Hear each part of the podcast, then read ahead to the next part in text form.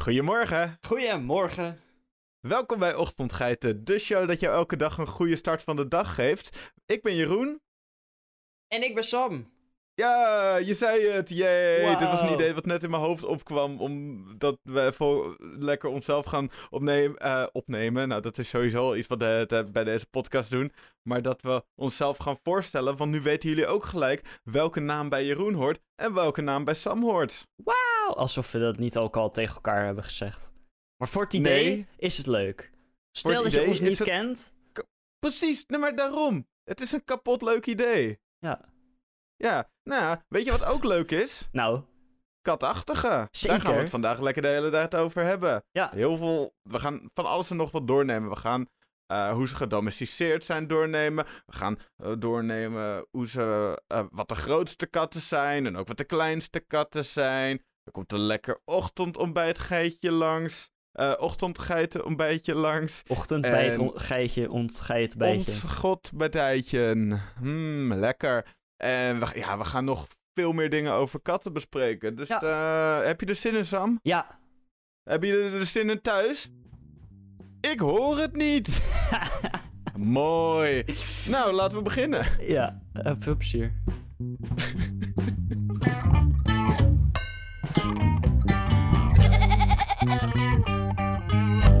Wij eh, maken een podcast soms. We, en, we maken eh, soms één keer per week, gooien we deze online, maken we dat lekkere podcastje.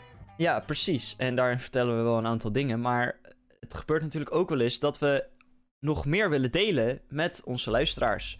Precies. En dat gaat dan via social media. En misschien kennen jullie al wel het een en ander via Instagram. En, en, en, maar we gaan, we gaan meer doen. En eh, eh, je kan namelijk onze afleveringen ook al bekijken op YouTube. Mocht je onze gezellige hoofdjes willen zien.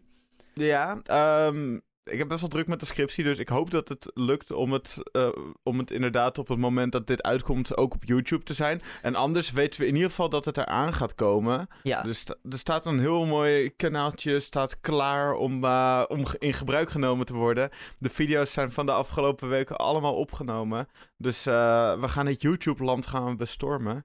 En daarvan gaan genieten. Ja, precies. En het idee is dat we dus maandag komt onze podcast op alle podcastplatformen live.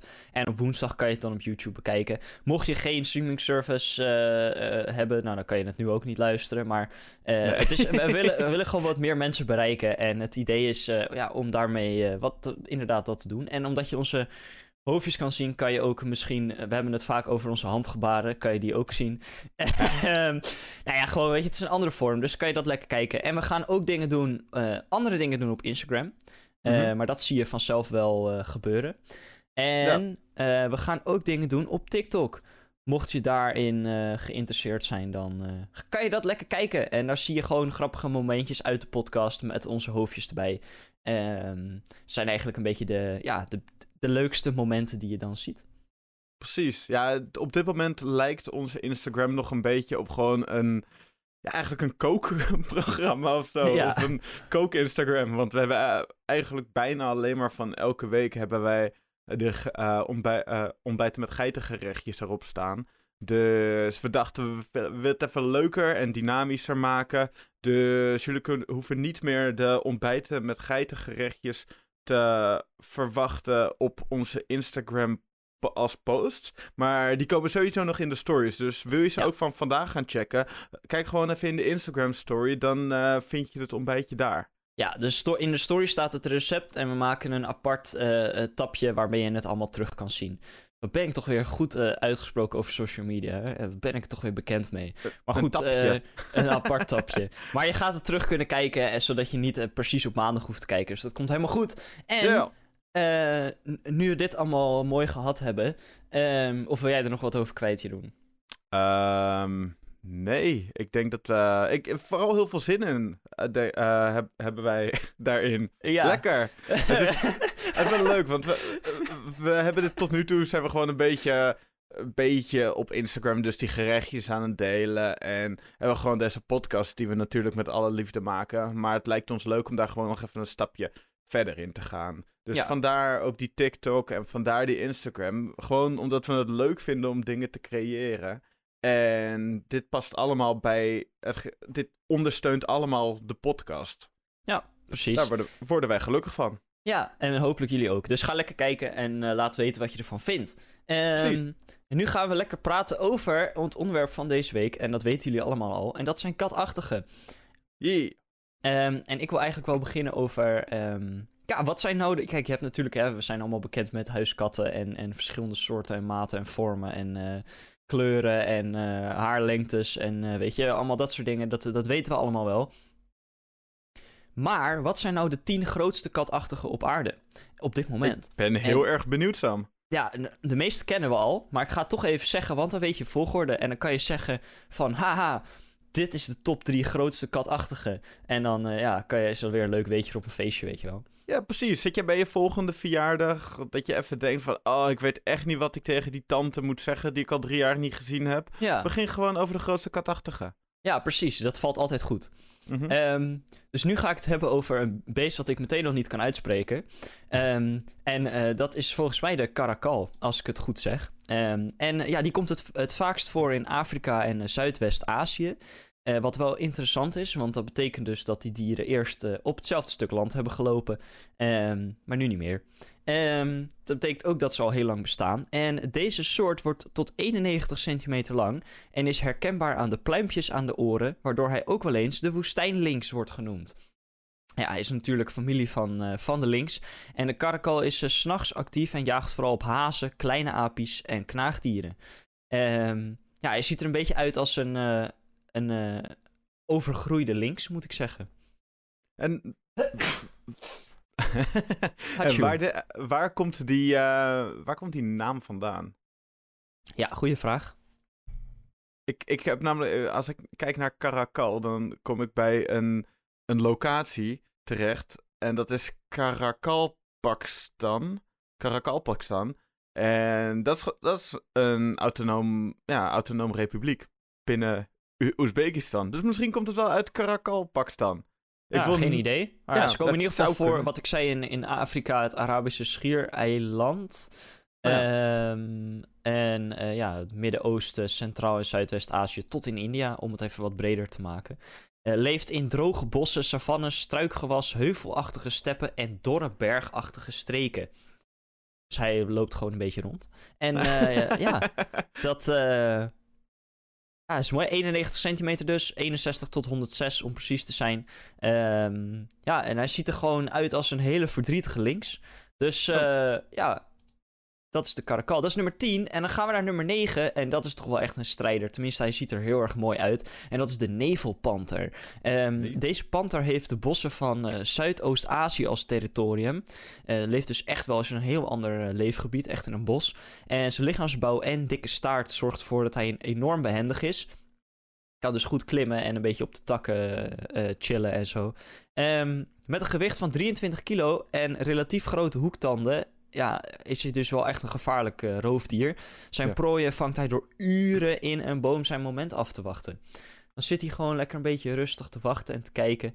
En eh, dat kunnen jullie misschien ook wel herinneren van eh, menige kinderanimatieshow. dat een panter in een, in een boom wacht en dan Mhm. lekker de, de- de prooi snijdt. Ehm, maar ja, het zijn best wel bijzondere dieren, want ze leven heel erg gespreid, omdat ze alleen maar in bosgebieden leven. Eh zijn ook best wel op zichzelf, wat wel bijzonder is. Eh, de meeste katachtigen zijn dat wel, maar je zal zo merken dat er ook wel een paar zijn die in groepen leven. Ehm, maar ja, ze, ze, ze jagen op best wel veel dingen. In ieder geval gibbons natuurlijk, eh makaken en eh, andere katachtigen, kleinere katachtigen. Ook Oh. wel eh, nog met kleine zoogdieren, hertachtige vogels, stekelvarkens en gedomesticeerd vee.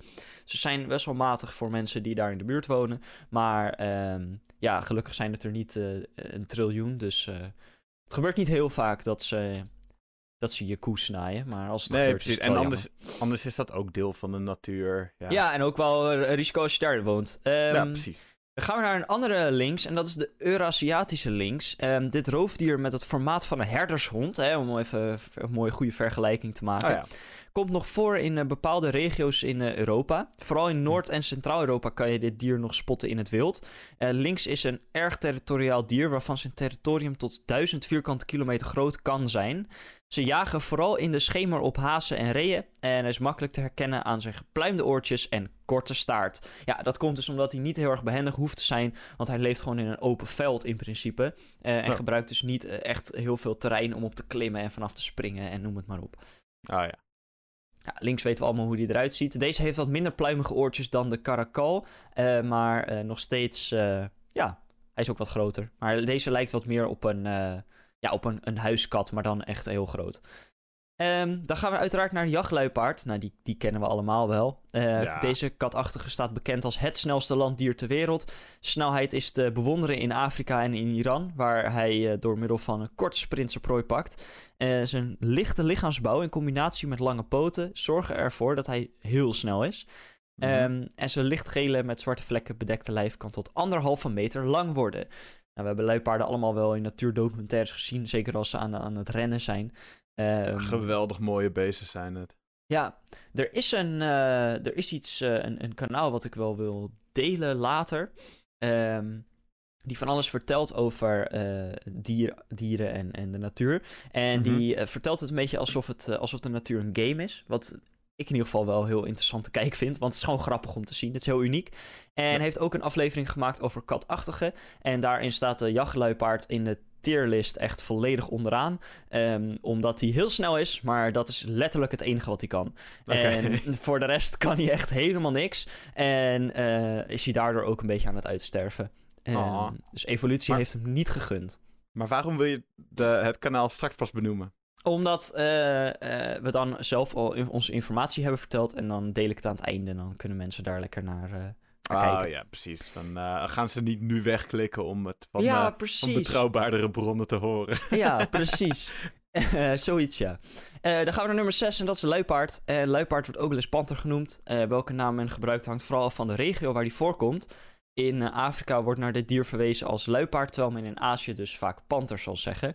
En luipaard heeft een uitstekend zicht, waardoor hij zowel overdag als 's nachts kan jagen. Maar ook zijn reukzin en gehoor zijn heel erg indrukwekkend. Toch jaagt hij vooral in de schemer en s'nachts, omdat hij dan minder opvalt voor zijn prooien. Dieren waarop hij jaagt zijn onder andere antilopen, herten, varkens, geiten en bavianen. Deze zit dus wel meer in de bossen en in de bomen. Eh, heel erg, eh, niet, wel te verwarren met de jachtluipaard, maar toch echt wel een heel ander dier. Maar, maar, maar, maar, maar. Is een luipaard en, het, en een panter, zijn dat dan precies dezelfde dieren? Ja, maar eh, in een ander Gewoon- gebied. Oh, in een ander gebied. Maar het zijn Maar het wel... zijn, wel, het zijn exact dezelfde dieren. Oh, oké. Ze worden gewoon anders genoemd. oh wauw. Ja, dat is best wel bijzonder. Ja, dat is Ehm, niet. Dan gaan we naar een andere luipaard. Want dat zijn toevallig eh, eh, ja, gewoon de grootste katachtige. En dan gaan we naar de sneeuwluipaard, nummertje 5. Ehm sneeuwluipaard is echt een strijder, ziet er super schattig uit. Ehm, hij is niet de grootste katachtige, maar wel de meest zeldzame. Hij onderscheidt zich van de andere luipaarden door zijn lichtere huid, die vaak eerder lichtgrijs dan geel is. Ehm, het, wat wel bij luipaarden dus eh, meer een beetje geel, nou ja, oranje-achtig. Mhm. Sneeuwluipaard komt vooral voor in het Himalaya-gebergte, maar eh, slechts weinigen hebben het dier ooit kunnen spotten. Dit komt deels omdat er nog maar 4000 eh, van zijn en Mhm. het dus deel uitmaakt van de lijst met bedreigde diersoorten. Gewicht kan oplopen tot 75 kilogram. Ja, het, ze zien er echt super schattig uit. Ik kan echt Ja, niet, ze hebben ook echt aan gewoon. Ze hebben van die... lijkt wel een donsvachtje. Maar het, het- Ja, ze hebben gewoon vanwege de een sneeuw lekker natuurlijk. dikke vacht. Heerlijk. Goed jasje aan. Het gave is dat zowel de jachtluipaard, de luipaard slash panter en de sneeuwluipaard een beetje dezelfde vacht hebben. Alleen dan net even een andere variatie. Ja. Eh, dus daarom, daarom heet, zijn ze ook allemaal een luipaard. Dan gaan we naar eentje ze lui die we... zijn, bro. Eh, ja, nou... Ja, zou je denken als ze urenlang in een boom zitten. Ehm. Dan gaan we naar de puma. en de puma is toch best wel een bijzonder eh, dier. Ehm, omdat het er gewoon letterlijk uitziet als een grote huiskat. En eh, ja, in het grootste gedeelte van Amerika is de puma uitgeroeid. Maar hij komt nog wel voor in Midden- en Zuid-Amerika. Ehm, in tegendeel tot de meest andere katachtigen is hij niet agressief. En gaat in confrontatie met de mens liever uit de weg. Mocht hij toch willen aanvallen, dan kan je hem proberen te verjagen door je groot en gevaarlijk op te stellen en veel lawaai te maken. Vaak kiest hij dan het haaspad, of het puma-pad. Ehm, de puma jaagt wel in de schemer en uh, ja, heel zelden dus overdag, net als alle anderen. Um, meestal ligt hij overdag uit te rusten op de tak van een boom. En hij komt het vaakst voor in regenwouden, bergbossen en grasvlaktes, want daar leeft zijn prooi. Um, hij valt wel nogal op, uh, maar goed, uh, ja, dat zijn ze met de meeste van de katachtigen. Weet je nog, ik weet niet of je dat nog kan herinneren, maar dat is jaren en jaren geleden. Was het dat er een puma was gespot op de Veluwe? Dat allemaal mensen waren een soort van half in paniek, omdat er een foto was uh, uitgekomen van een, van een camera die in de Veluwe staat. En, de, en die had een foto gemaakt en dat leek heel erg op een puma. Dus mensen dachten, shit, er loopt een puma door de Veluwe. Uiteindelijk bleek dat gewoon een kat, een kat geweest te zijn. Die net op een hele speciale manier vastgenomen, vastgelegd is. Maar ik weet nog zo goed dat heel de Veluwe en van alles en nog was, was een beetje heel erg van, hè? Hebben we nou een puma rondlopen hier? Het was heel interessant hoe, hoe ook de media en het hele land daarop uh, reage uh, reageerden. Maar het is echt ja. jaren geleden geweest. Ik heb daar wel een interessant stukje over. Um, inderdaad, op 14 juni 2005 uh, kwam in Nederland in het nieuws dat de politie mogelijk een puma op de Veluwe, met name op de Ginkelsehei, had gesignaleerd. Eerdere meldingen vonden plaats in Harskamp en in de buurt van de Simon Stevin-kazerne. Met mm -hmm. 50 mensen van de marechaussee en enkele jachtopzieners werd naar de Puma gezocht tussen Ede, Wekerom, Bennekom en Harskamp. Het is evenwel de vraag of de waarneming van de Puma, evenals andere waarnemingen van wilde dieren, niet gerekend moet worden tot het genre van het broodje aap verhaal. Het moderne en internationaal bekende volksverhaal van wilde dieren die in een geciviliseerde omgeving rondlopen, is door de Amerikaanse folklorist uh, Jan uh, Harold uh, Brunvand zelfs van een titel voorzien: Big Cats, Panthers, etc. Running Wild. Het verhaal komt er doorgaans op neer dat mensen een roofdier waarnemen waar dit niet verwacht zou worden. Er ontstaat ja. een hype waardoor steeds meer mensen het roofdier menen waar te nemen op plaatsen waar het dier niet tegelijkertijd aanwezig kan zijn. Niet zelden wordt op basis van de verhalen een klopjacht georganiseerd door de politie die niets oplevert. Het roofdier verdwijnt na verloop van tijd spoorloos om na enkele jaren weer elders waargenomen te worden. Oh ja. Het nieuws kwam ook naar boven in de komkommertijd. Dat is dus een periode waarin kranten en tijdschriften weinig te schrijven hebben. En volgens Aha. natuurfotograaf Otto Valhaber uit Ar Arnhem ging het om een grote verwilderde kat. Ja, Hij zag de kat uh, maandag uh, 19 september 2005 en slaagde erin een duidelijke foto te maken in de buurt van de Hulhorstweg in Beekbergen, die gepubliceerd ja. werd in het regionale dagblad De Gelderlander. Volgens Valhaber is de kat ongeveer anderhalf keer groter dan een gewone huiskat, mogelijk een kruising van een verwilderde huiskat en de Europese wilde kat. Nou, dat dus. Ja, leuk. Ik vind, ik, ik vind dat grappig. Ik vind het ook. Ik had niet verwacht dat 2005 was. Zo vroeg. Toen was ik zeven. Ik had niet verwacht dat ik nog een random nieuwsartikel uit 2007 kan onthouden. Uh, ik bedoel, sorry. Van toen ik zeven jaar was on kon onthouden. Dus ik ben ook wel blij met mezelf. Goed onthouden, Jeroen. We zijn trots op jou. Yay. Goed, er was dus geen Puma op de Veluwe. Nee. Belangrijk om te weten. Um, dan gaan we naar nummer 3, de Jaguar. Die kennen we ook allemaal. En dit dier komt uiteraard vaak voor in regenwouden van Midden- en Zuid-Amerika en is hierdoor een grote concurrent van de puma. Qua uiterlijk lijkt hij erg goed op een luipaard, maar zijn lichaamsbouw is een heel stuk zwaarder. Een volwassen jaguar kan tot 180 centimeter lang zijn en 100 kilo wegen. Hiermee is hij de grootste kat van het Amerika Amerikaanse continent. Nice. Ik heb wanneer ik, uh, wanneer ik het woord puma hoor, dan krijg ik al gelijk... Nou, Jeremy Clarkson die heeft dat een beetje voor mij verpest. Dat woord... Sorry, Puma Jaguar. Oh my god. Uh, Jaguar. Want hij Jag! Is, ja, het had het... You want to see my Jag? ja, hij heeft ook een... Jag. Ze hebben met de Grand Tour ook een aflevering gemaakt over uh, nou ja, verschillende soorten klassieke uh, touringauto's. Mm -hmm. En daarbij rijdt uiteraard, volgens mij rijdt Jeremy Clarkson in een Jaguar. Uh, moet wel eigenlijk. maar daar maken ze ook constant grappen over mensen die een Jaguar hebben en zo. En het is, ja, ja, ja, ja, ja. Zeer stereotype hangt eraan en zo. Het is echt heerlijk. ja, precies. Um, Dan gaan we naar de leeuw. Uh, leeuw is een van de big five dieren en leeft dus vooral in Afrika. Uh, de grootte van het dier en de manen van het mannetje maken het dier erg indrukwekkend. Waardoor hij uh, de koning van de jungle wordt genoemd. De leeuw is de enige kattensoort die erg sociaal is. jagen gebeurt vaak in groepen. En wanneer een prooi is bemachtigd, wordt de hiërarchie duidelijk. Mannetjes eten eerst, waarna de vrouwtjes en de welpen volgen. Ja, ehm, nou, leeuw kennen we ook allemaal natuurlijk. Ja, maar de vraag voor jou is dan wat is jouw, wat is jouw favoriete leeuw? Wie is jouw favoriete leeuw? Wie? wie?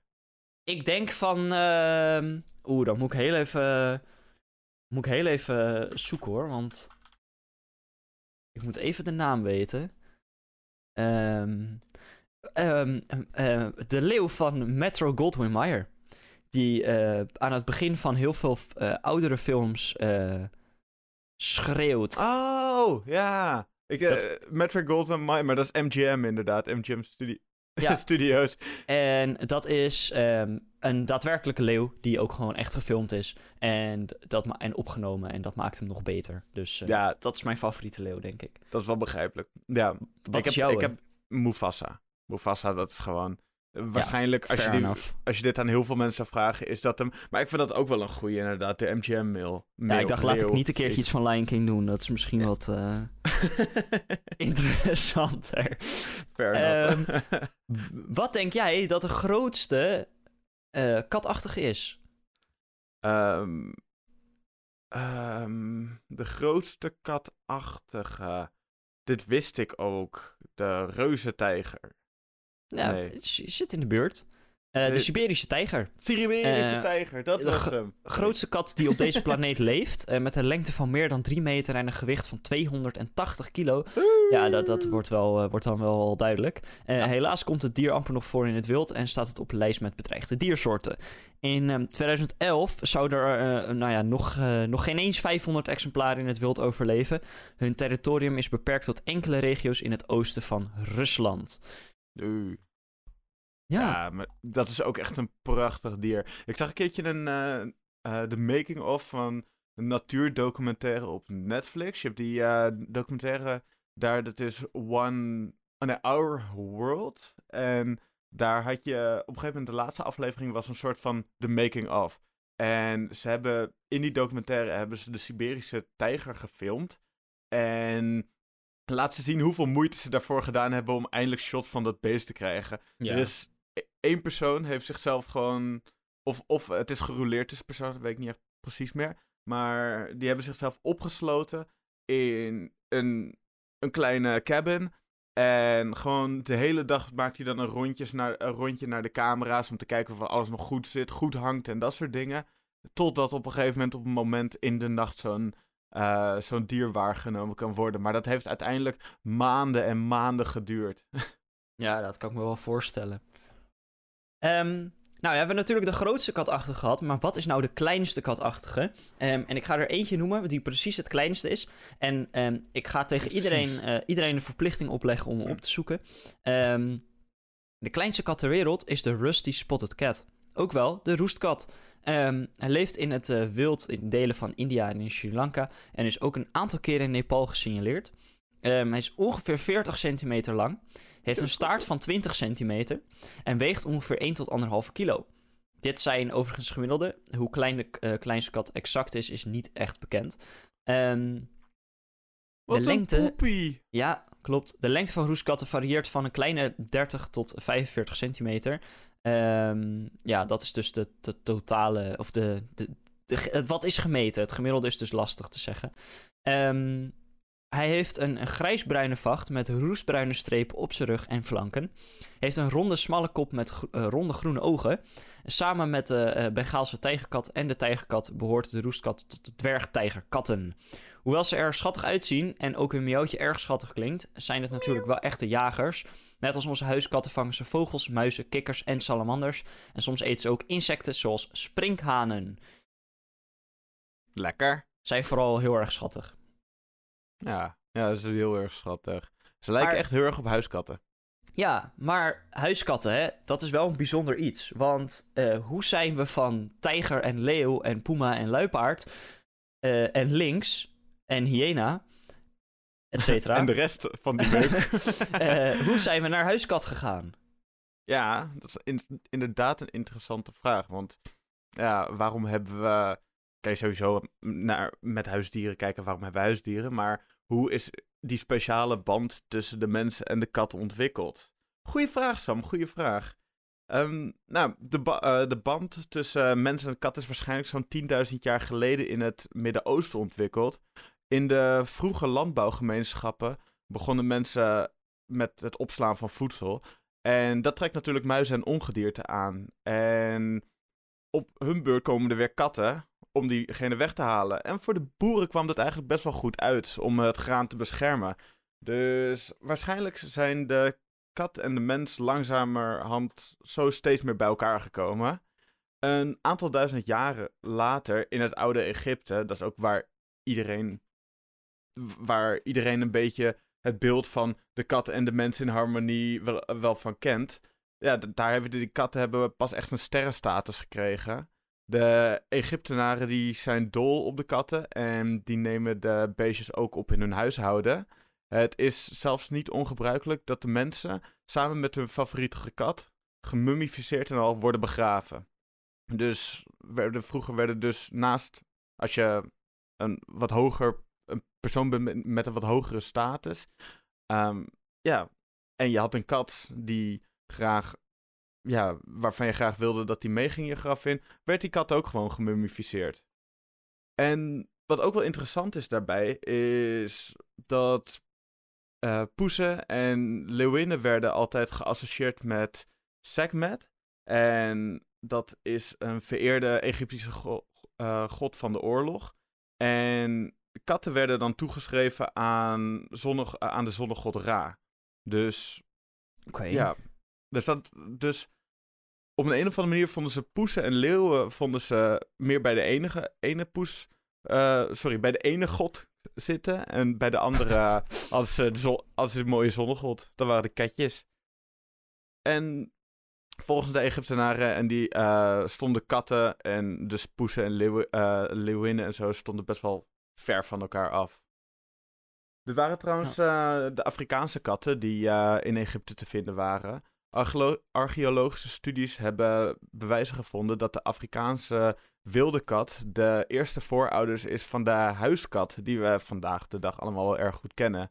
Eh, daarom treffen we vandaag eh, de dag ook bij sommige traditionele bevolkingsgroepen eh, Afrikaanse wilde katten als huisdier aan. Want die katten die zijn, die kunnen zich wat beter aanpassen ook aan de mens.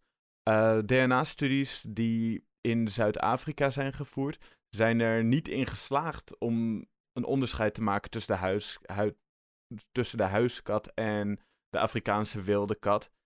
Maar iedereen denkt altijd, eh, nou, iedereen denkt altijd, dat is ook weer een beetje generaliserend. Heel veel mensen denken dat, eh, ja, dat onze katten, af, eh, onze katten en poezen die we thuis hebben, dat het afstand van de, stamt van de Europese wilde kat. Maar dat is helemaal niet zo, want daar zijn gewoon, daar zitten heel veel verschillen in het DNA tussen. Maar ze zijn, ja, toch wel identiek aan de Afrikaanse eh, wilde kat. En dat vond ik wel, nou, vond ik wel interessant om, om dat te weten. Ik had ook gezien dat eh, een heleboel van de, hè, de fa- familie en de rijk en de stam en de klasse en de orde, eh, alles Mhm. wat, wat een dier eh, categoriseert, dat dat waarschijnlijk helemaal niet klopt bij katachtige. En dat ze nu bezig zijn met het, eh, ja, het herorganiseren van die, eh, van die eh, taxonomische indeling. Zodat dat in ieder geval weer gaat kloppen. Want op dit moment, wat, ja, wat jij ook al aangeeft, eh, er zijn gewoon dingen die eh, eigenlijk hetzelfde zijn, maar mensen toch weer niet zien als hetzelfde. En het gaat allemaal weer opnieuw ingedeeld worden. Maar daar zijn ze mee bezig en dat duurt nogal lang, omdat er nogal veel katachtigen zijn. Ah ja, ja, want op een gegeven moment denk je, als het maar om een paar dingen gaat, denk je van, oh, we gaan het wel even bijschrapen en dan kunnen we dat op, opnieuw een heel klein beetje, kunnen we die gewoon daar neerzetten en dan heb Ja, je het precies. een beetje veranderd. Maar op een gegeven moment, wanneer dingen gewoon dermate niet kloppen, moet je gewoon maar even volledig, eh, een volledige verandering aanbrengen en alles volledig opnieuw gaan eh, rangschikken of Ja. ordenen. Precies. Dus eh, ja, dat. En ehm, ja, nee. Interessant. Ik vind het toch wel, ik denk wel het gaafst dat, dat katten zo ja, dat, ze eigenlijk naar de, dat de mensen en de kat naar elkaar toe zijn gegroeid. En dat dat al is begonnen bij de boeren en dat dat zo natuurlijk is gegaan. Dat Ja. vind ik wel, wel gaaf. Ja, en alsnog is het ook wel. Het heeft een beetje een omweggetje genomen voordat de hele wereld dezelfde katten als, de, als die van de Egyptenaren gingen houden. Ja. Want de Egyptenaren die vonden. Ja, die wilden zelf die katten houden. En die probeerden alles te doen om de export ervan te voorkomen. Maar ja, zoals vaker in de geschiedenis gebeuren. eh, waren dit keer de Grieken er en die hadden wel een goed idee om de dieren te gebruiken voor de eigen problemen. Dus de eerste ja, gedomesticeerde dieren, eh, de eerste gedomesticeerde katten eh, in Europa kwamen rond het jaar 900 v- eh, voor Christus. Ja, Dus dat was net tijdens het, opbouw, tijdens het opbouwen van de grote ja, Griekse Rijk. Of de Griekse Rijken, zoals we al in de aflevering met Stijn ja precies. besloten hadden. Ehm, en daarna begonnen de Egyptenaren ook katten te verkopen. Dus eerst waren ze van, willen het houden. En daarna dachten ze ook van, ja, oké, dan, jullie kunnen het gaan stelen. Maar dan kunnen we net zo goed een beetje handel uitmaken. Zoals ook met heel veel dingen in de geschiedenis, geschiedenis van de mens gebeurd is. Ja, Dus het ging naar de Romeinen, naar de Schotten, naar de Kelten. En later ook naar eh, andere Europeanen. ja, interessant. Ja, en zo, eh, zo verspreidden eigenlijk de katten zich over de hele wereld. En dan kwam het uiteindelijk allemaal oorspronkelijk. Alle, bijna alle huiskatten die mensen hebben over de hele wereld zijn. eh, ja, dat zijn de Afrikaanse wilde katten geweest. En ja, tegen, tegen 500 voor Christus was de kat ook een heel veel voorkomend eh, dier in China. Dus daar waren ze toen ook al terecht te komen. En werden ze heel vaak als cadeau aan keizers geschonken.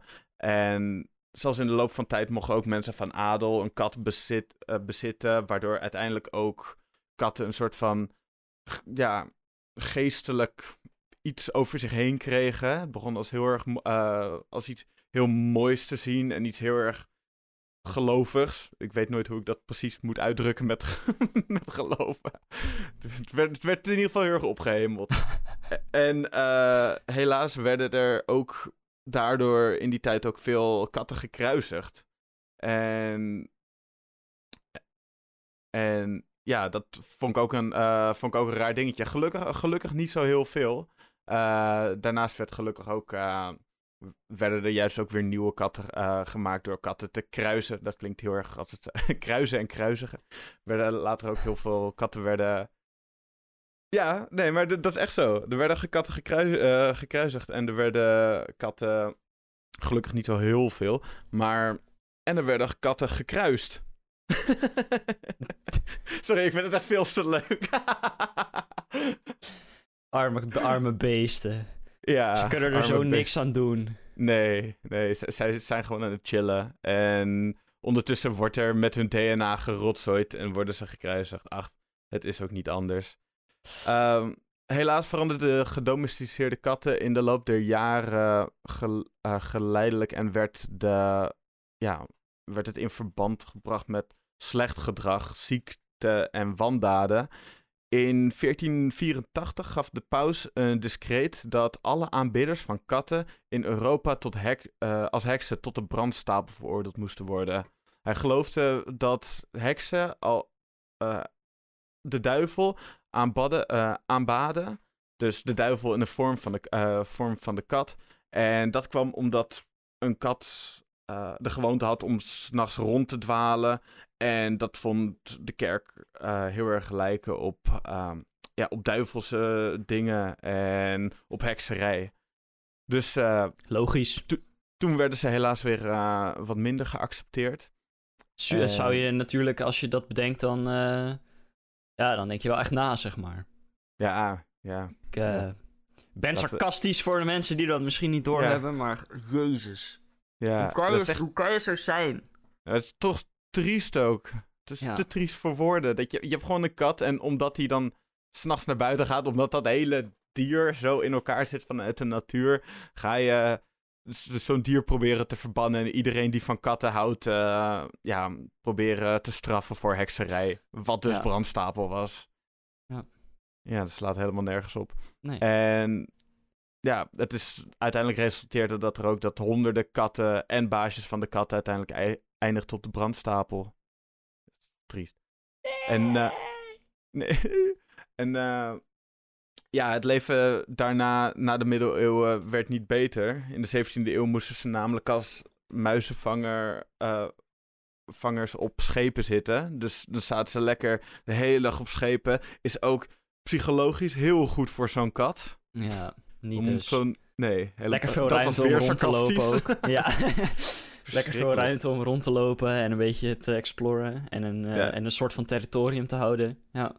Nou, territorium Zoals- houden ze daar wel, maar eh, eh, dat is het enige wat ze Maar echt een ook hebben. territorium kan je het niet noemen. Nee, dat is waar. Het is gewoon een schip. 100 Stink- planken en een, en een zeil. Dat is gewoon niet...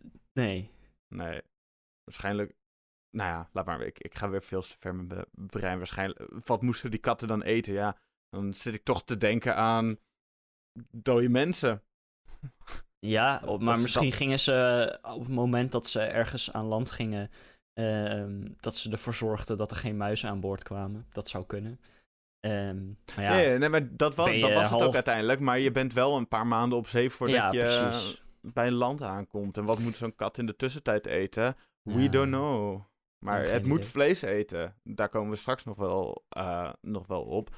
Het is belangrijk voor een kat om vlees te eten. Dus ze moesten iets van vlees eten. Maar ik kan me niet bedenken dat ze lekkere stukjes, eh, stukjes wiskas meegenomen. Nee, inderdaad. Gelukkig, dat is dan wel weer positief, werd in de Victoriaanse tijd katten weer als huisdier aanvaard. En in de eh, late 19e eeuw werden de eerste zuivere eh, rassen voorgesteld in de eerste kattententoonstellingen. Dus vandaar, vanuit daar was weer steeds meer, oh, katten zijn toch wel leuk, katten zijn toch wel geweldig. Oeh, we houden van katten. En op die manier werd de status van, eh, van de huiskat steeds meer weer de status als de huiselijke viervoeter die de mensen vandaag de dag hebben. Ja. En eh, wat, wat ik ook nog een interessante vond, was dat Wes Warren, dat is een eh, journalist van de Los Angeles Times, die zei over katten, dat in tegenstelling tot honden, ze eigenlijk maar half gedomesticeerd zijn. En mensen die katten hebben, die, kunnen, die zien dat waarschijnlijk ook wel een eh, beetje. Katten doen nog steeds heel erg wat ze willen. Dat komt omdat ze nog heel veel van hun oude DNA houden. Dus, is ook eh, niet zo heel. eh, ehm, ja, mensen zeggen ook altijd: een, een, je bent niet het baasje van een kat. De kat is het baasje van de mens. Ja, En dat, dat, ja, ze doen inderdaad gewoon wat ze willen. Het, ligt, het wisselt wel heel erg per, per eh, ras. Wat Mhm. ze, hoe, ze, ja, hoe ze zich gedragen en vooral ook tegenover de mens. Maar eh, ja, in het algemeen zijn ze wel gewoon echt. Doen ze gewoon lekker wat ze willen. En terecht Zeker. ook. Ze, ze, hebben, ze hebben, omdat ze ook nog maar biologisch gezien vrij redelijk eh, recentelijk afscheid hebben genomen van, van de wilde katten die ze daarvoor waren. eh, ja, dan is er gewoon vooral op DNA-level niet zo heel veel veranderd. Er zijn wel een aantal dingen veranderd in, de, in het DNA van de huiskatten. Maar dat is ja, heel waarschijnlijk het gev- gevolg geweest van de manier waarop mensen de dieren selecteren. Dus wat mensen leuker, mooier en schattiger, schattiger vinden, dat willen mensen gewoon liever hebben. Ja. En hierdoor wordt, het, ja, wordt een dier vaker gekozen. En zal het op de loop van de tijd de DNA veranderen. Zoals ja, vroeger survival of the fittest werkt voor evolutie. Ja, dat is dan survival of the cutest voor katten. Is zo, maar er zijn ook wel echt, in ieder geval op dit moment, bijna iedereen die een kat gaat nemen en er nog niet echt ervaring mee heeft, gaat, doet onderzoek naar, naar de rassen en wat voor gedrag ze hebben. En het- daar wordt het ook wel grotendeels op uitgekozen. Dus Tuurlijk. ja, ook hoe ze eruit zien, maar ook hoe ze, ja, wat hun persoonlijkheid is. Om het zo maar ja, maar dat, is, dat is ook met de woorden. Ik, ik, ik gebruikte de woorden leuker, mooier en schattiger. Maar leuker is ook qua gedrag natuurlijk. Ja, Het is niet- precies. Het is niet alleen maar uiterlijk iets te maken. Het is juist gedrag wat, een, wat door DNA langer, langere tijd. Wat DNA voor langere tijd verandert en zo. Nou, maar dat dus. Dus dat is een beetje hoe, ehm, hoe we vandaag de dag allemaal eh, katten om ons heen hebben. Nice. Hey, Jij, jij- zoals ehm, jij, hè? had. Ik heb, ik had, nou ja, niet in mijn, eh, niet in mijn huis, maar eh, mijn, eh, mijn ouders hebben zeker katten. Ehm, in mijn, eh, mijn ouderlijke huizen lopen op dit moment vier katten rond. Dus eh, ja, Wat leuk. zeker. En ik mag op ze gaan passen komende tijd. Hè. Ouders gaan op vakantie en die moeten iemand hebben die op het huis past. Dus dan eh, neem ik dat met liefde aan, want katten zijn geweldig. Dus ja. Geniet, Tom. Ik heb ook altijd zo'n zo'n moment dat als je op straat loopt en je komt dan een kat tegen. Ik kwam er laatst eentje in het bos tegen. Die zat te schuilen voor de regen. Terwijl het al inmiddels al droog was. Maar dat had die kat denk ik niet door. En ehm, toen eh, zat hij gewoon een beetje daar onder een bosje. Dus eh, ja, dan, dan zit je gewoon tien minuten lang met zo'n kat een beetje te chillen. En Ja. dan, ja, dan eh, ja, is het weer goed. De katten zijn Ja. gewoon strijders. Ja, ik had jou vorige week ook het verhaal verteld, dan of, of microfoon, van eh, dat ik een kat tegen was gekomen. En ik zag die kat op een gegeven moment ergens, was in de avond. En ik zag die op een gegeven moment ergens een heel rustig naartoe gaan. Of die iets wilde, wilde pakken of zo. En ik zag zo'n, ik zag zo'n klein, eh, toen ik even wat dichterbij kwam, zag ik ook een klein muisje dan voor hem. En die twee die waren echt heel erg een soort van geïnteresseerd gewoon in elkaar. Van die Ja. kat die wilde kijken hoe dat muisje, eh, hoe dat muisje precies in elkaar zat. Het was ook totaal geen vijandig gedrag. Ze zochten juist toenadering tot elkaar. Ja, dat gewoon... vond ik zo een mooi beeld. Want ik was gewoon in de avond even een rondje aan het lopen. En dan zie je dat ineens. En dan, ja, dan smelt je toch wel een heel klein beetje van binnen. Ja, precies. Ehm hey, eh, nou ja, nu heeft die kat die muis niet opgegeten, denk ik. Eh, of ga ik even vanuit. Ehm, maar ze hebben natuurlijk wel, wel voedsel nodig, net als wij. En het begint natuurlijk met een ontbijtje. En Wat een, sorry hoor, maar wat een lekker bruggetje dit. Hier word ik gelukkig moet, van. Moet, moet er wat van maken. Ja, precies. Oh. Ehm, en eh, ja, ontbijtjes kan je natuurlijk in alle, alle vormen en maten eten. Nou, wij eten wij geen muizen, eh, hoop ik. Ehm, maar ja, we eten wel andere dingen. eh, zoals een broodje gezond van Jeroen. Jeroens broodje gezond. En eh, ja, dat is lekker. Dat is goed. Ja. Heb je, heb je, Ehm. heb, ben je aan de Hulm voor je ketchup gekomen? Nee, Heb je het met joppie saus gedaan? ja. Want dat is echt veel makkelijker. Ja. Ehm, anders je hoef hoeft de zooi niet uit Oostenrijk te halen. een halve wereldreis eh, doen om dat, eh, om dat te regelen. Maar eh, nee, en, dat, en toen zat ik te denken, ja, nou hebben we natuurlijk al wel een lange tijd eh, recepten nou ja, hè, verteld die echt wel makkelijk zijn en ook wel heel snel zijn, ehm, maar over het algemeen ook wel eh, nou ja, vaak koud zijn. En nu heb ik een, eh, iets uit de oven. Ik dacht, dat is Oeh. leuk. Eh, maar we houden het simpel, maar toch wel echt heel erg nice. Ehm, nou, begin ik gewoon met de ingrediënten en dan heb je waarschijnlijk al wel een beetje een idee wat het gaat worden. Ehm, maar toch zit er een twist aan. Je, eh, je, je neemt een, eh, zo'n, eh, zo'n... Of je maakt het zelf, dat kan natuurlijk ook als je een echte strijder bent. Maar anders dan koop je gewoon een blik met croissantdeeg voor zes van die grote croissantjes. En dan haal je kaas, wat plakjes ham, oregano, een eitje en wat boter om in te vetten. En dan denk je al wel waarschijnlijk van, oh, dit wordt gewoon een kaascroissant. Maar nee, nou komt het. Ehm, je gaat uiteraard je oven voorverwarmen op 200 graden. Dan haal je het deeg uit je verpakking en rol je twee stukjes uit, zodat je een vierkant stuk deeg hebt. Dat druk je de schuine naden goed aan elkaar vast. En ehm, ja, dan leg je ongeveer anderhalve plak kaas erop en twee plakken ham. Dan bestrooi je dat met een beetje oregano kruiden. Dan rol je het gewoon recht op en dan snij je het in drie stukken. En dat herhaal je met alle ingrediënten. En dan heb je negen rolletjes. En ehm, ja, dan vet je een ovenschaal in met het beetje boter wat je hebt. Dan zet je de croissantenrolletjes met ham en kaas rechtop erin. En dan hou je, moet je wel wat ruimte ertussen houden, dat is wel handig. En eh, ja, dan klop je het ei los en bestrijk je de bovenkant eh, van de rolletjes met het ei. Eh, dan bak je ze 20 tot 25 minuten in de oven totdat ze mooi goudbruin zijn. Ja, zet ze niet te hoog in de oven trouwens, anders worden ze helemaal verbrand en zo. Ehm, ligt eraan als je hete lucht gebruikt natuurlijk niet, maar wel als je boven-onderwarmte gebruikt. Ehm, ja, en, en je kan ze ook afdekken met folie. Maar goed, uiteindelijk heb je dus croissantenrolletjes met eh, ham en kaas en oregano. En eh, het is super nice en heel makkelijk. En je hebt dan gewoon een schaal met eten. En daar kan je, nou ja, sowieso met meerdere mensen van eten. Maar je kan ook gewoon ervan ontbijten en het dan ook nog meenemen voor lunch. Fucking lekker. Ja. Nou, top. Ik, eh, ik heb er zin in. Eigenlijk super makkelijk en eh, eh, ja, gewoon een creatieve manier van het gebruiken van de, het croissantdeeg. Daarom Ja, zeg ik, je kan het ook gewoon zelf maken. Nou ja, gewoon. Je kan het zelf maken. Ga, ga even lekker gewoon zelf maken dan. Ja, dat is best mak- moeilijk, vind ik. Maar goed, sommige mensen zijn pro's in de keuken en dan, ja, dan kan je dat gewoon. Maar ehm, ja, dit. Ja, ik, ik, eh, ik, eh, het is nice. Het is heel Ja, ik ga, makkelijk ik, ga, ik eigenlijk. ga er denk ik van genieten. Ik ga het, ik ga het zeker proberen, want dit Het- klinkt wel...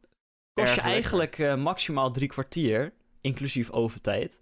En Ja. als je efficiënt bent, dan kan je het zo in een half uurtje gedaan hebben. Ja, precies. En vooral inderdaad, het is vooral inderdaad die overtijd. Kan je ondertussen kan je nog iets anders doen. Ja, je Dat is- spullen pakken, of je, je, je koffie zetten, of je... Precies. Of Je- je, het werk gaan. Ja, De wie weet. idee, ideeën zijn eindeloos. Even douchen misschien, weet je, Lekker. je make-up doen, eh, Ja, whatever. dat snap ik wel als ik dat ruik. Ehm, ja, dat dus. Lekker man. Ja, lekker. Ik hou daarvan. Mm. ik ben weet ook wat- wel... Ja. Oh, ja? Nee, jij mag eerst. Nee, ja, ik weet ook niet meer wat ik wilde zeggen, dus eh, ga maar. Nou, ik weet ook niet meer wat ik wilde zeggen, dus dan houdt het hierbij op. Dan houdt het een op. hele prettige dag verder. Ja. Eh, Nee, Veel plezier. nee we, gaan, we gaan toch nog even verder. Dit is pas een dingetje wat we, eh, het ontbijtje is wat we op, op ongeveer de helft. Het wordt nooit echt precies de helft, maar dat weet je nooit precies met hoe lang alles gaat duren en dat soort dingen. Dus eh, voordat ik te veel ga lullen, gaan we weer gewoon lekker verder. Oh, want ik wil het een beetje hebben over huiskatten. En daar heb ik het net al over gehad, maar nu wil ik het even op een andere manier erover hebben. Ik wil namelijk huiskatten met wilde katten gaan vergelijken. oh jee. En waarom ik dat wil, is om toch maar even te laten, eh, te laten zien hoe erg een huiskat nog een, ja, nog een wilde kat is. Dat, dat is altijd, al, altijd fijn om te zien. Zie je altijd waar ze vandaan komen en zo. Het is ook allemaal met natuur. Nou ja, wist je dat het DNA van een, eh, van een huiskat voor 95% vergelijkbaar is met die van een tijger? Nee. Wauw. Nee, dat is best wel redelijk veel. Maar dat is eigenlijk ook niet gek als je ziet dat wij 96% vergelijkbaar zijn met het DNA van een chimpansee. Dus als je dat soort dingen een beetje met elkaar vergelijkt, dan valt het ook wel weer mee. Eh, voor mij was het ook een dingetje dat we zo'n 60% hetzelfde zijn als een banaan en 80% een komkommer of zo. Maar dat, ja, oh nee, nee, het was met een komkommer was het dat een komkommer meer dan 5000 m- eh, genen in zijn DNA meer heeft dan een mens. Of zo. Waardoor een komkommer blijkbaar ineens superieur is. Snap ik. Ja, is ook zo. Ehm, eh, ja, dus ze, ze hebben heel veel, vooral van hun instincten en hun maniertjes hoe ze, hoe ze het doen, de katten dan, ge, georven van hun voorouders. En ik wil een paar van deze instincten opnoemen. Zo zijn beide katten, zowel de huiskat als de wilde katten, zijn hele lange slapers. Ze, ja, ze slapen zo'n 16 tot 20 uur per dag. En mensen die een kat hebben, die weten wel hoeveel dat, hoeveel dat inderdaad is. Ze slapen echt heel veel. En Ja, zijn ze slapen de hele dag. Ja, ze slapen de hele dag. S'nachts gaan ze een beetje rondrennen. En zodra ze eten willen, dan worden ze wakker. En dat is het eigenlijk wel. Zo zijn ze. Ja. Klinkt eigenlijk best wel leuk.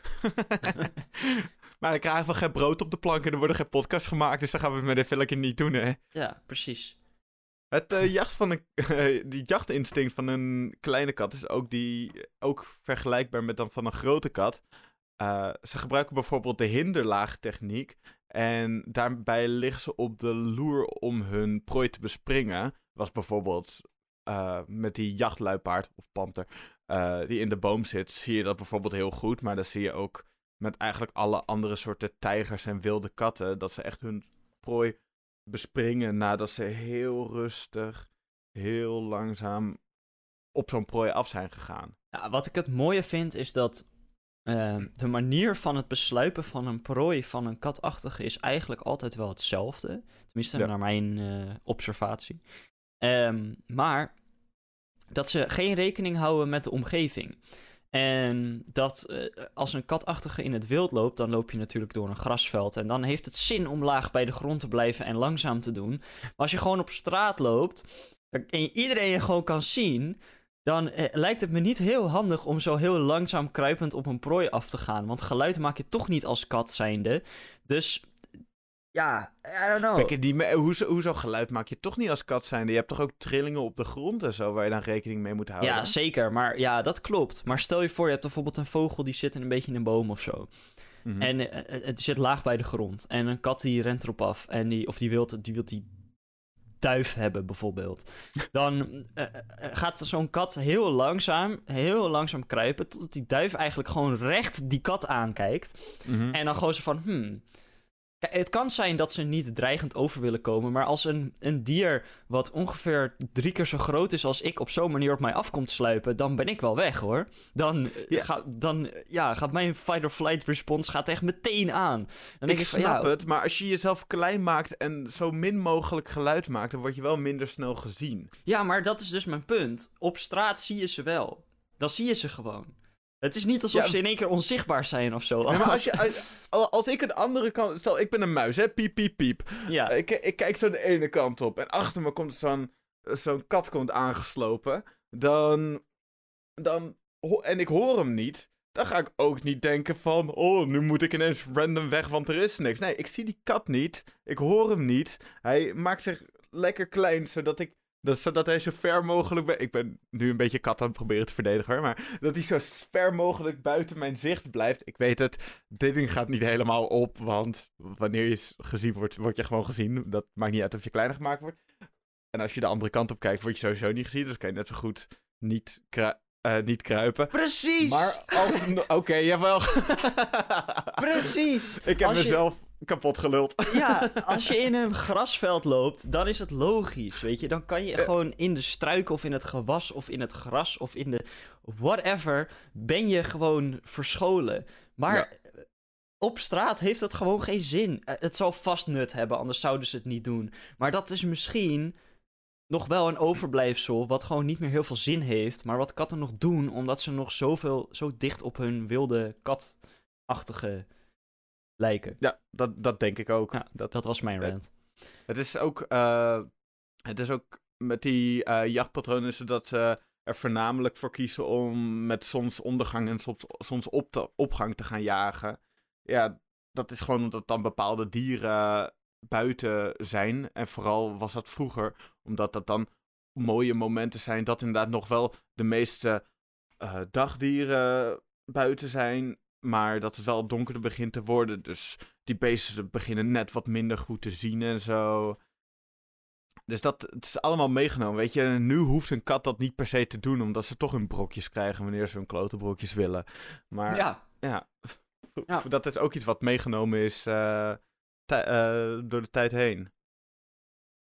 Daarnaast, ook een leuke, ehm, kat, eh, huiskatten hebben de neiging om tussen de 30 en 50 procent van hun, eh, van hun tijd aan het verzorgen van hun vacht te besteden. En ja, dat is ook hetzelfde met, eh, met de wilde katten en met de leeuwen. En Sam, weet je ook waarom ze dit doen? nee. Dit doen ze om hun, eh, om hun geur neutraal te houden. Oké. Dus wanneer, ze ja- wanneer ze gaan jagen, dan wil je zo min mogelijk geur bij je hebben. Omdat dat tegen, eh, tegen beesten met grote neuzen kan dat, eh, ja, dat kan dat gewoon heel vervelend zijn. Dan, dan, dan rui...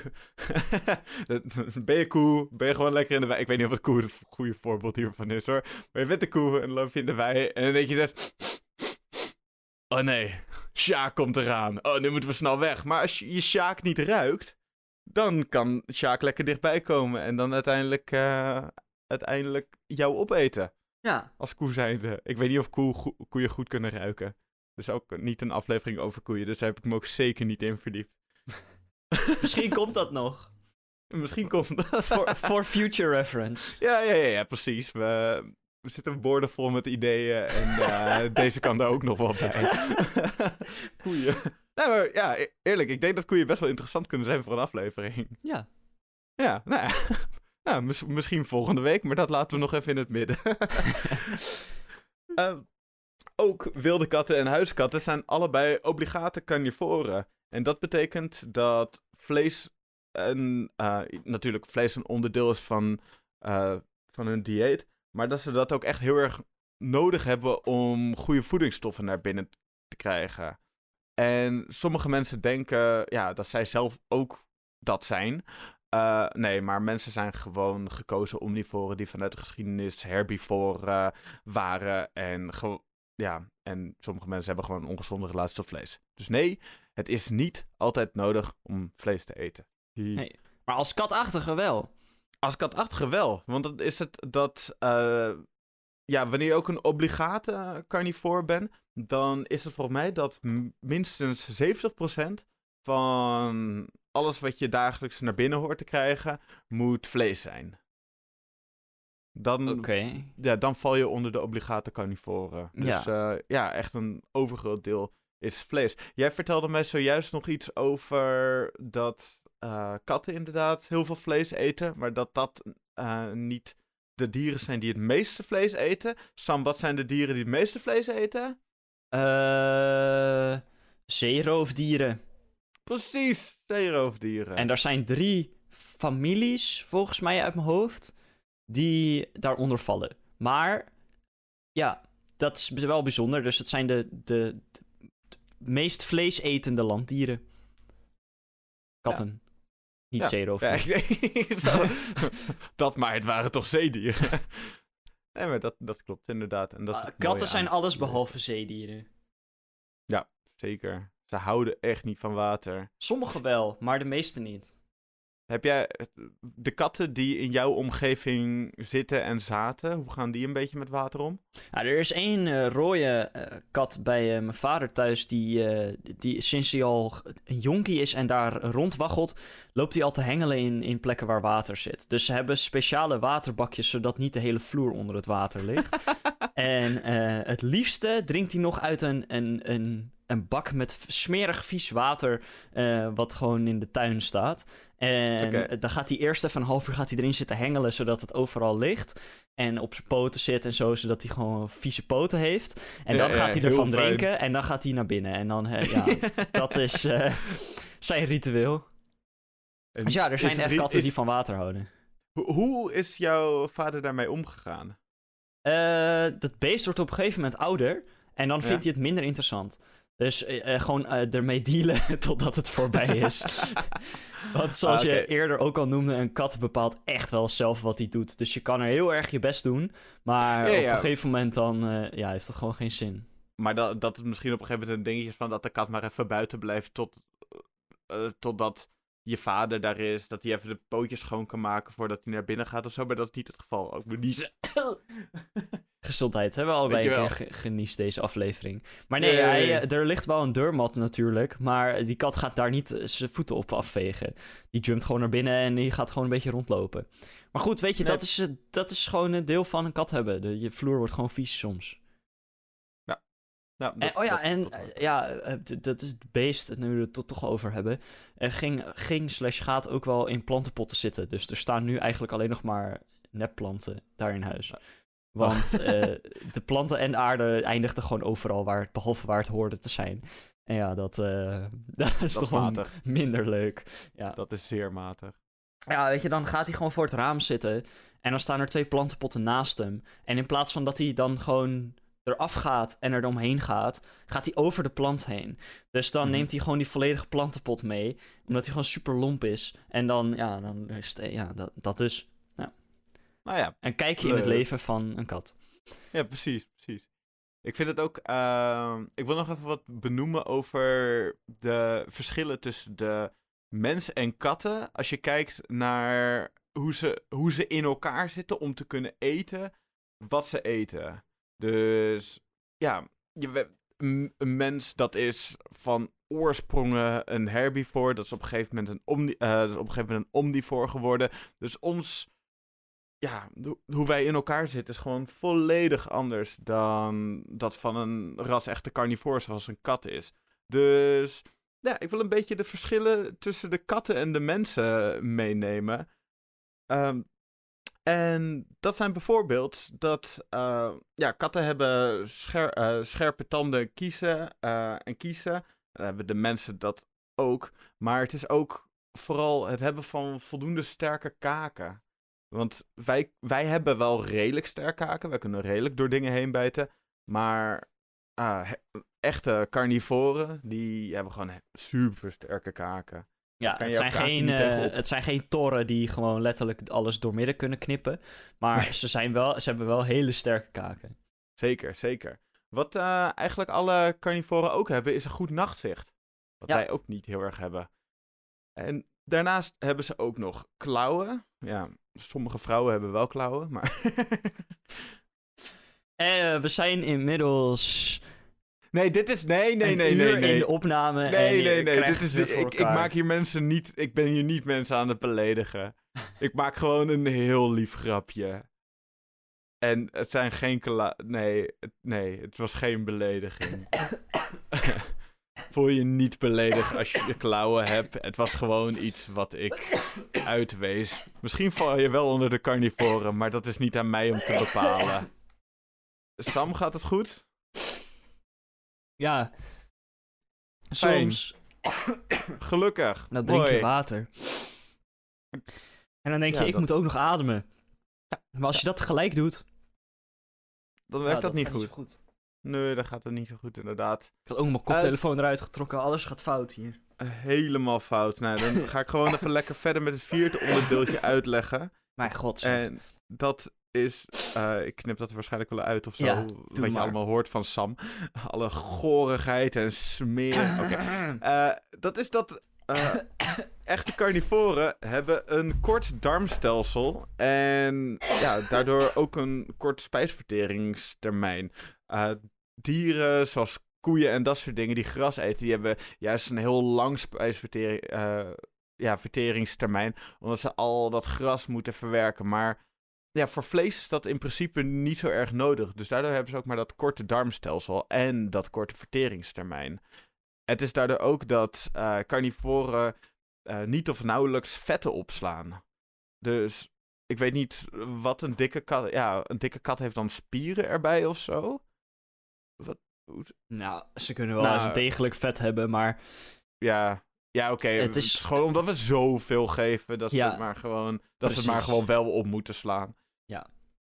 Daarnaast hebben katten ook, of tenminste hebben carnivoren ook speciale enzymen die dienen om bacteriën in rottend vlees te doden.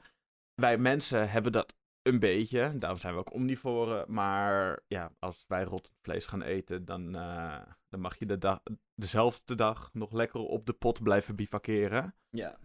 Wat ik ook wel interessant vond, was dat uh, carniv echte carnivoren, die hebben een lichaams-eigen productie van vitamine C.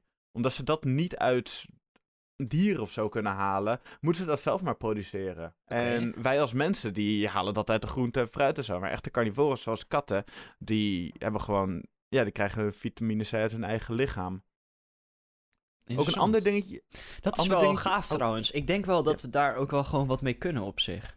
Dat is waarschijnlijk ook al wel gebeurd. Maar dat kijken naar dat proces, hoe dat wordt aangemaakt en daar dan. Uh... Interessant. Ja, zeker. Ik denk, ik denk dat er inderdaad gekeken kan worden van op wat voor manier wordt dit aangemaakt en hoe kan je dat op andere goede manieren toepassen, ook bij de mensen. Dat nou ja, stel dat je iemand bent die niet goed kan kouwen of zo, of niet goed kan eten. Kan best wel een probleem zijn. Ja, dan zou je inmiddels zou je door een bepaalde nou ja, behandeling of een bepaalde stof of wat dan ook, die een reproductie is van dat systeem, zou je dat kunnen krijgen. Dat is wel... Ja, in, uh... in plaats van dat je dan elke dag heel veel vitamine C extern in moet nemen, zou je lichaam dat gewoon eventueel zelf kunnen maken. Ja, bijvoorbeeld. Dat lijkt wel interessant. Vet. Uh, daarnaast is het ook dat uh, transpiratie via de tong gaat. In plaats van wat de mensen hebben, als een van de weinigen, op, uh, op de huid. Bijvoorbeeld ja, echte carnivoren die hijgen. Lekker hagen.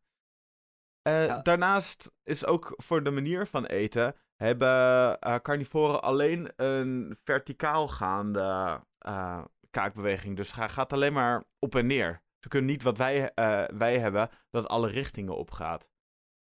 Oké. Ja, het is niet. Wij kunnen zeg maar ons. Wat ik nu doe, wat je in de video kan zien. Dat eh, is dat je heen en weer kan gaan met je kaak. Eh, ja, dat kunnen zij niet. Ze kunnen echt alleen maar op en neer. Maar dat komt ook. Da eh, daarom zijn die kaken ook zo sterk. Omdat het gewoon.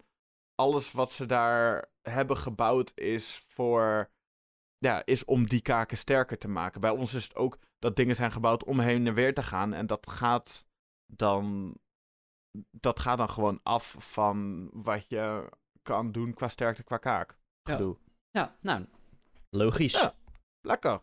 Maar En, dat zie je eh, ook terug in andere dieren. Want bijvoorbeeld een koe, die koudt ook alleen maar zijwaarts. Zeker, zeker. Dit is, eh, dat is de overtreffende trap daarin. Die is al, bijna alleen maar zij- zijwaarts aan het kauwen. Ja, Dat precies. is een kameel. Lekker man, kameeltje. Eh, daarnaast hebben carnivoren ook een aangeboren jachtinstinct. Dus eh, ja, ze houden gewoon van jagen. En wij mensen hebben dat niet. Sommige mensen misschien een beetje, maar dat is niet iets wat vanuit de natuur bij ons hoort. En daarnaast is de, eh, hebben ze ook de mogelijkheid om rauw vlees, huid en haar te verteren. Ze kunnen in principe van alles en nog wat eh, door inderdaad die bacteriën lekker verteren. Dus dat waren tien dingen waardoor ja, ras-echte carnivoren, dus ook katten, verschillen met mensen. Oké. Nice. Interessant. Jij Eh. wilt het hebben over een van die, een van die ras-echte carnivoren. Ja, ehm, we gaan even terug in de tijd. Ehm, specifiek naar de ijstijd. Eh, naar de Smilodon. En de meeste mensen zullen het woord Smilodon niet kennen, maar als ik zeg Diego uit Ice Age, dan weten mensen wel waar ik het over heb. De sabeltandtijger. sabeltandtijger. Ja, kijk, die is er natuurlijk niet meer, die is uitgestorven. Maar het is wel een ontzettend interessant dier, omdat hij, nou ja, voor een deel wel echt anders is dan de katachtigen die nu nog rondlopen. En dat heeft uiteraard met die sabeltanden te maken. Ehm, dus ik ga er gewoon wat over vertellen. En ben ehm, benieuwd. wat wel interessant is, is dat die, nou ja, het is een geslacht. Dat, eh, dat zijn drie diersoorten die daarvan terug zijn gevonden. En maar de Smilodon is een geslacht van, eh, eh, ja, van de sabeltandtijgersoort die eh, aan het eind van het Pleistoceen uitgestorven eh, eh, is, ja, is uitgestorven. En het Hoe, zijn lang, grote... hoe lang is het Pleistoceen gel- geleden? Plei- Pleistoceen is eh, Pleistoceen. laat Pleistoceen ook, hè? dus echt aan het einde. Ehm, dat is, moet ik het heel eventjes opzoeken, want er zijn heel veel tijden. Dat is Het zijn zeker veel tijden. flink lang geleden. Ehm, ja. Maar hoe lang geleden? Laat. Dat is van. eh oh jezus, dit staat hier heel fijn genoteerd. 116.000 tot 12.000 jaar geleden. Oké, zo, dat is best wel, best wel relatief dichtbij. Hey, Ice Age. eh Oh ja, legt oh ja, het ook wel een beetje uit natuurlijk, hè? De mammoeten en waar. zo. Dat is waar, dat is waar. Ehm, nou, een van de grote carnivoren uit de familie van de katachtigen. Eh, eh, ondanks de naam sabeltandtijger is de Smilodon niet direct verwant met de tijger. Ook wel goed om te weten. Mhm. Ehm Smilodon leefde in Noord-, Midden- en Zuid-Amerika. Ze leefde op eh, grasland en in, in niet al te dicht begroeide bossen. Nou, dat klinkt heel erg bekend. Ehm, de botten van veel exemplaren zijn in de teerputten van La Brea gevonden. Eh, daardoor is er heel veel over bekend. Eh, La Brea is een, een, een teerputtengebied in eh, Los Angeles. Ehm, Oh. En daar hebben ze dus heel veel van die ja, botten gevonden. En daardoor kunnen ze ook goede reconstructies maken. En is er ook, nou ja, wat ik zeg, heel veel over bekend. De in Europa levende, en eh, ik ga echt mijn best doen om het uit te spreken, Homotherium latidens wordt ook sabeltandtijger genoemd. Maar deze soort is wel eh, lid van dezelfde onderfamilie, maar wordt in een andere geslachtengroep geplaatst. Dus dat is wel belangrijk om te weten. Het is een ander dier. Nou ja, daar ga je dus weer. eh, wat we net ook al zeiden. Ze gaan het opnieuw indelen. Dus het kan zijn dat die straks tot hetzelfde behoren. Maar eh, voor nu in ieder We geval. niet. weten het gewoon even niet. Ja, eh Smilodon behoorde tot een groep katachtigen die de sabeltandkatten worden genoemd. Het geslacht stamde af van de Paramagairodes, die 13 tot 2 miljoen jaar geleden heeft geleefd. En ook dit geslacht wordt meestal tot de sabeltandtijgers gerekend. Smilodon was dus niet nauw verwant aan tijgers en is geen voorouder van enige nog levende grote kattensoort. Eh, dus dat is ook wel belangrijk om te weten. En daarom, hè, die, die sabeltand vind je daarom ook niet terug in eh, eh, katachtigen die nu nog leven. Nee. Eh, ze hadden een korte staart en krachtige poten. Vandaar dat we ook kunnen ja, zeggen dat ze over grasvel, eh, graslanden en zo eh, leeft en niet te dicht begroeide bossen. Want Dat anders hadden ze een grote staart gehad. Ja, dat vind ik interessant om ook te benoemen, inderdaad. Dat, die, dat weten de meeste mensen wel hoor. Maar dat die staart voor eh, de dieren. die is voor heel veel dieren is dat gewoon enkel en alleen bedoeld als, om jezelf een soort van in evenwicht te houden. Zeker. En de voorpoten die waren wat langer dan die van huidige leeuwen. Eh, wat wel interessant is, daardoor stonden ze wat meer, ja, wat meer achterover, kan je het zeggen. Dus hun hoofd was een stuk eh, hoger dan hun staart. Eh, Het dier had twee grote sikkelvormige slagtanden tot ongeveer 30 centimeter lang. Dat is de gemiddelde lineaal, dus dat is best lang. Ehm, sterk vergrote hoektanden in de bovenkaak, die ook bij gesloten bek naar buiten staken. Ehm, dus ja, het was wel echt duidelijk dat eh, nou ja, goed kon, eh, goed kon happen. 30 bek- centimeter is echt lang, man. Dat is lang, maar scheen natuurlijk wel de mond in ook. Ehm, Ja, oké. Ja, ja, het zit natuurlijk wat hoger ook. Ja, de, het is nog steeds langer. De bek kon tot 120 graden worden geopend. Eh, dat is ook veel. Ehm, omdat de grote tanden vrij broos waren en bij contact met bot makkelijk zouden afbreken, denk dat Smilodon ze gebruikte om de weke delen van slachtoffers fataal te verwonden. Bijvoorbeeld met een halsbeet waarbij zowel de slokdarm als de luchtpijp doorgebeten werden om de prooi vrijwel direct te doden. Of in de Mm. buik om vitale organen of halsslagader te doorklieven. Nou, dat zijn minder eh, fijne uitspraken, maar dat is wel hoe ze het deden. Er zijn veel fossielen met afgebroken tanden gevonden. Eh, voor de jacht gebruikten ze waarschijnlijk hun voorpoten. Die hebben een buitenlaag van dicht eh, bot die relatief gezien 15% dikker is dan die van huidige grote katachtigen. Lijkt waarschijnlijk eh, dat ze in groepen jaagden omdat er skeletten gevonden zijn met genezen verwondingen die zo ernstig waren dat een dergelijk dier niet meer in staat zou zijn geweest zelfstandig te jagen. Eh, vandaar dat ook, eh, ja, als je kijkt naar, de, naar Ice Age, dan leeft Diego natuurlijk in eerste instantie ook in een groep met sabeltandtijgers. Ja. Dus dat is ook wel, wel grappig. Nou, er zijn drie soorten met ook heel veel verschillende groottes. Ehm, en ook wel verschillende ehm, ja, levensduren. Er is er eentje die is van, heeft van 2,5 miljoen tot 50.000 jaar geleden geleefd in Noord-Amerika, Venezuela. Ehm, dan is er eentje die van 1,6 miljoen tot 10.000 jaar geleden, Verenigde Staten tot in Ecuador en Peru. En er is er eentje die van 1 miljoen tot 10.000 jaar geleden, oostelijk en zuidelijk Amerika, zuidelijk Zuid-Amerika moet ik dan zeggen, ehm, heeft geleefd. Dus wel eh, verdeeld. En de, eh, de, de Smilodon populator was het grootst. En eh, daar zijn de grootste botten ook van teruggevonden. Eh, ik heb wat, eh, wat, wat kilo's en wat, in ieder geval wat geschatte kilo's en wat geschatte maten. Wat wel interessant is om het een beetje in perspectief te zetten. Mhm. Ehm, de Gracilis was de kleinste. Die was 55 tot 100 kilo. Mhm. Ehm, even kijken hoor. Dan heb ik hier de, de Fatalis. Die had, was 160 tot 280 kilo. Dus dat is vergelijkbaar met de Siberische tijger die we nu kennen. En eh, ja, die was ook 100 centimeter hoog. Dus dat is groot. oh ja. Ehm, dan heb je de populator, wat ik net al even noemde. En die was 220 tot 436 kilo. ehm, en 120 centimeter hoog. En ja, Oh. dit gewoon echt eh, deel van de grootste eh katachtige ooit. En hoe lang was die? Ehm, Dat is, heb ik geen gegevens over. Oké. Voor alleen de hoogte. Ehm, waarschijnlijk ook omdat ze, ja, ik weet niet of ze het goed hebben reconstrueren, maar ja, best, best, best lang in ieder geval. Best lang. Ja, sowieso nu wel het langste landdier. Eh, Ja. land, niet het langste landdier. Langste katachtige. Nou, wat bijzonder er ook aan is, wat ik net al heel even kort noemde, is dat ze dus die kaak tot 120 graden konden openen. En dat is echt gigantisch ver. Daardoor konden ze een hele grote eh, ja, hap nemen. Maar daardoor Mhm. konden ze dus ook goed gebruik maken van die slagtanden. Eh, want als je maar een klein stukje open kan doen, dan heeft het weinig zin. Eh, dus op die manier maakten ze er gebruik van. Ja, en bijzondere dieren die er helaas niet meer zijn, maar wel heel erg uniek zijn. En Zeker. ja, veel gebruikt zijn ook in referenties voor fantasy dieren en noem het maar op. Ja, die grote tanden, man. Dat, dat wil je niet door je, door je nek hebben. Nee, precies. Ehm, overigens wel eh, nog wel als laatste om nog te vertellen.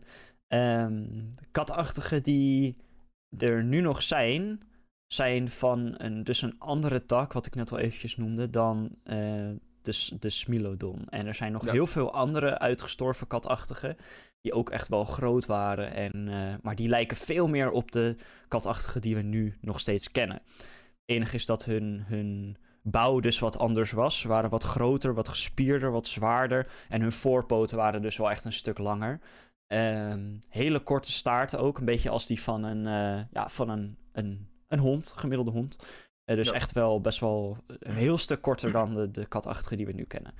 Daarom, eh, en die kunnen dus ook niet meer overleven. Ook omdat wij natuurlijk alle velden hebben ingenomen. Dat is niet de reden waarom ze zijn uitgestorven. Dat is onbekend trouwens. Ehm, Maar eh, als je ze nu zou plaatsen in, in de wereld, dan zouden ze geen, geen leefomgeving hebben. Buiten misschien wat velden in, eh, in Afrika. Ehm, maar goed, daar leven natuurlijk ook al heel veel andere katachtigen. Dus eh, het is interessant om over na te denken hoe de verdeling van katachtigen en de evolutie eruit zou hebben gezien. mocht deze hele familie niet uit zijn gestorven. Maar ehm Nou, dat, is, wat ik dat voor- is niet. Wat ik, wat ik vooral ook interessant vind daaraan is, het is een hele andere familie dan de katachtige, die, eh, of een- bijna een hele andere soort dan de katachtige die er nu zijn.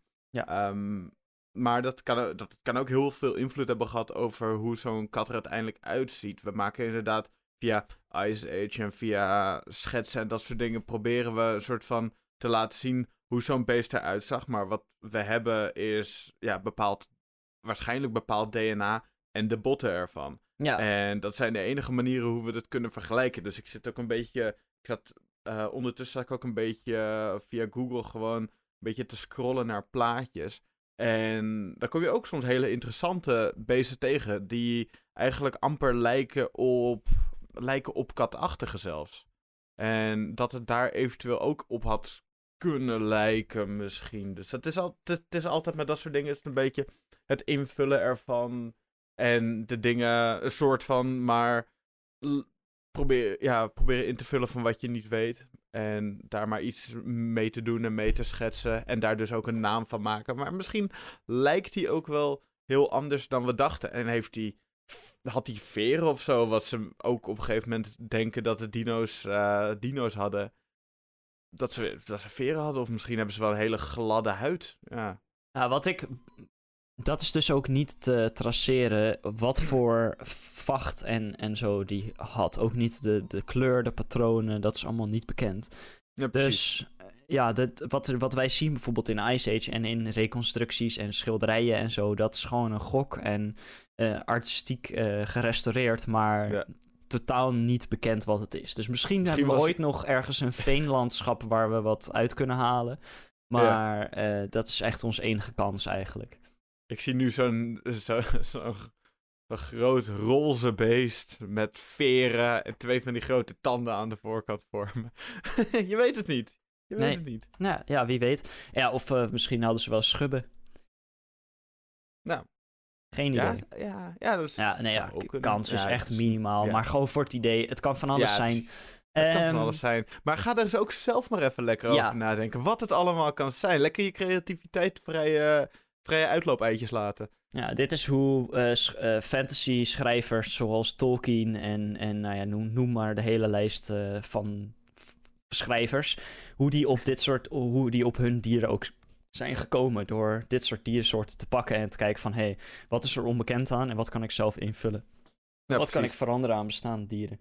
Ja, dus eh, denk daar lekker over na en eh, dan eh, ja, heb je goed bra- brain food.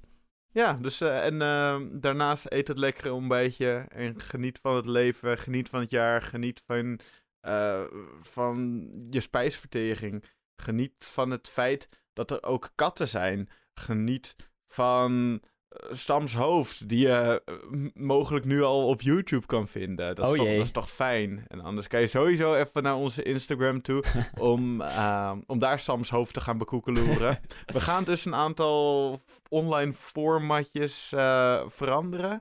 Dus ja, blijf lekker op de hoogte via onze social media kanalen. Misschien vind je ons op een gegeven moment wel via TikTok of zo. Dat is ook alleen maar leuk. Je bent van harte welkom. Ja, absoluut. En eh, ja, houd het eens in de gaten. En geniet van je week. Ja. Joh, Tot Lekker. volgende week. tot volgende week. Doei. Doei.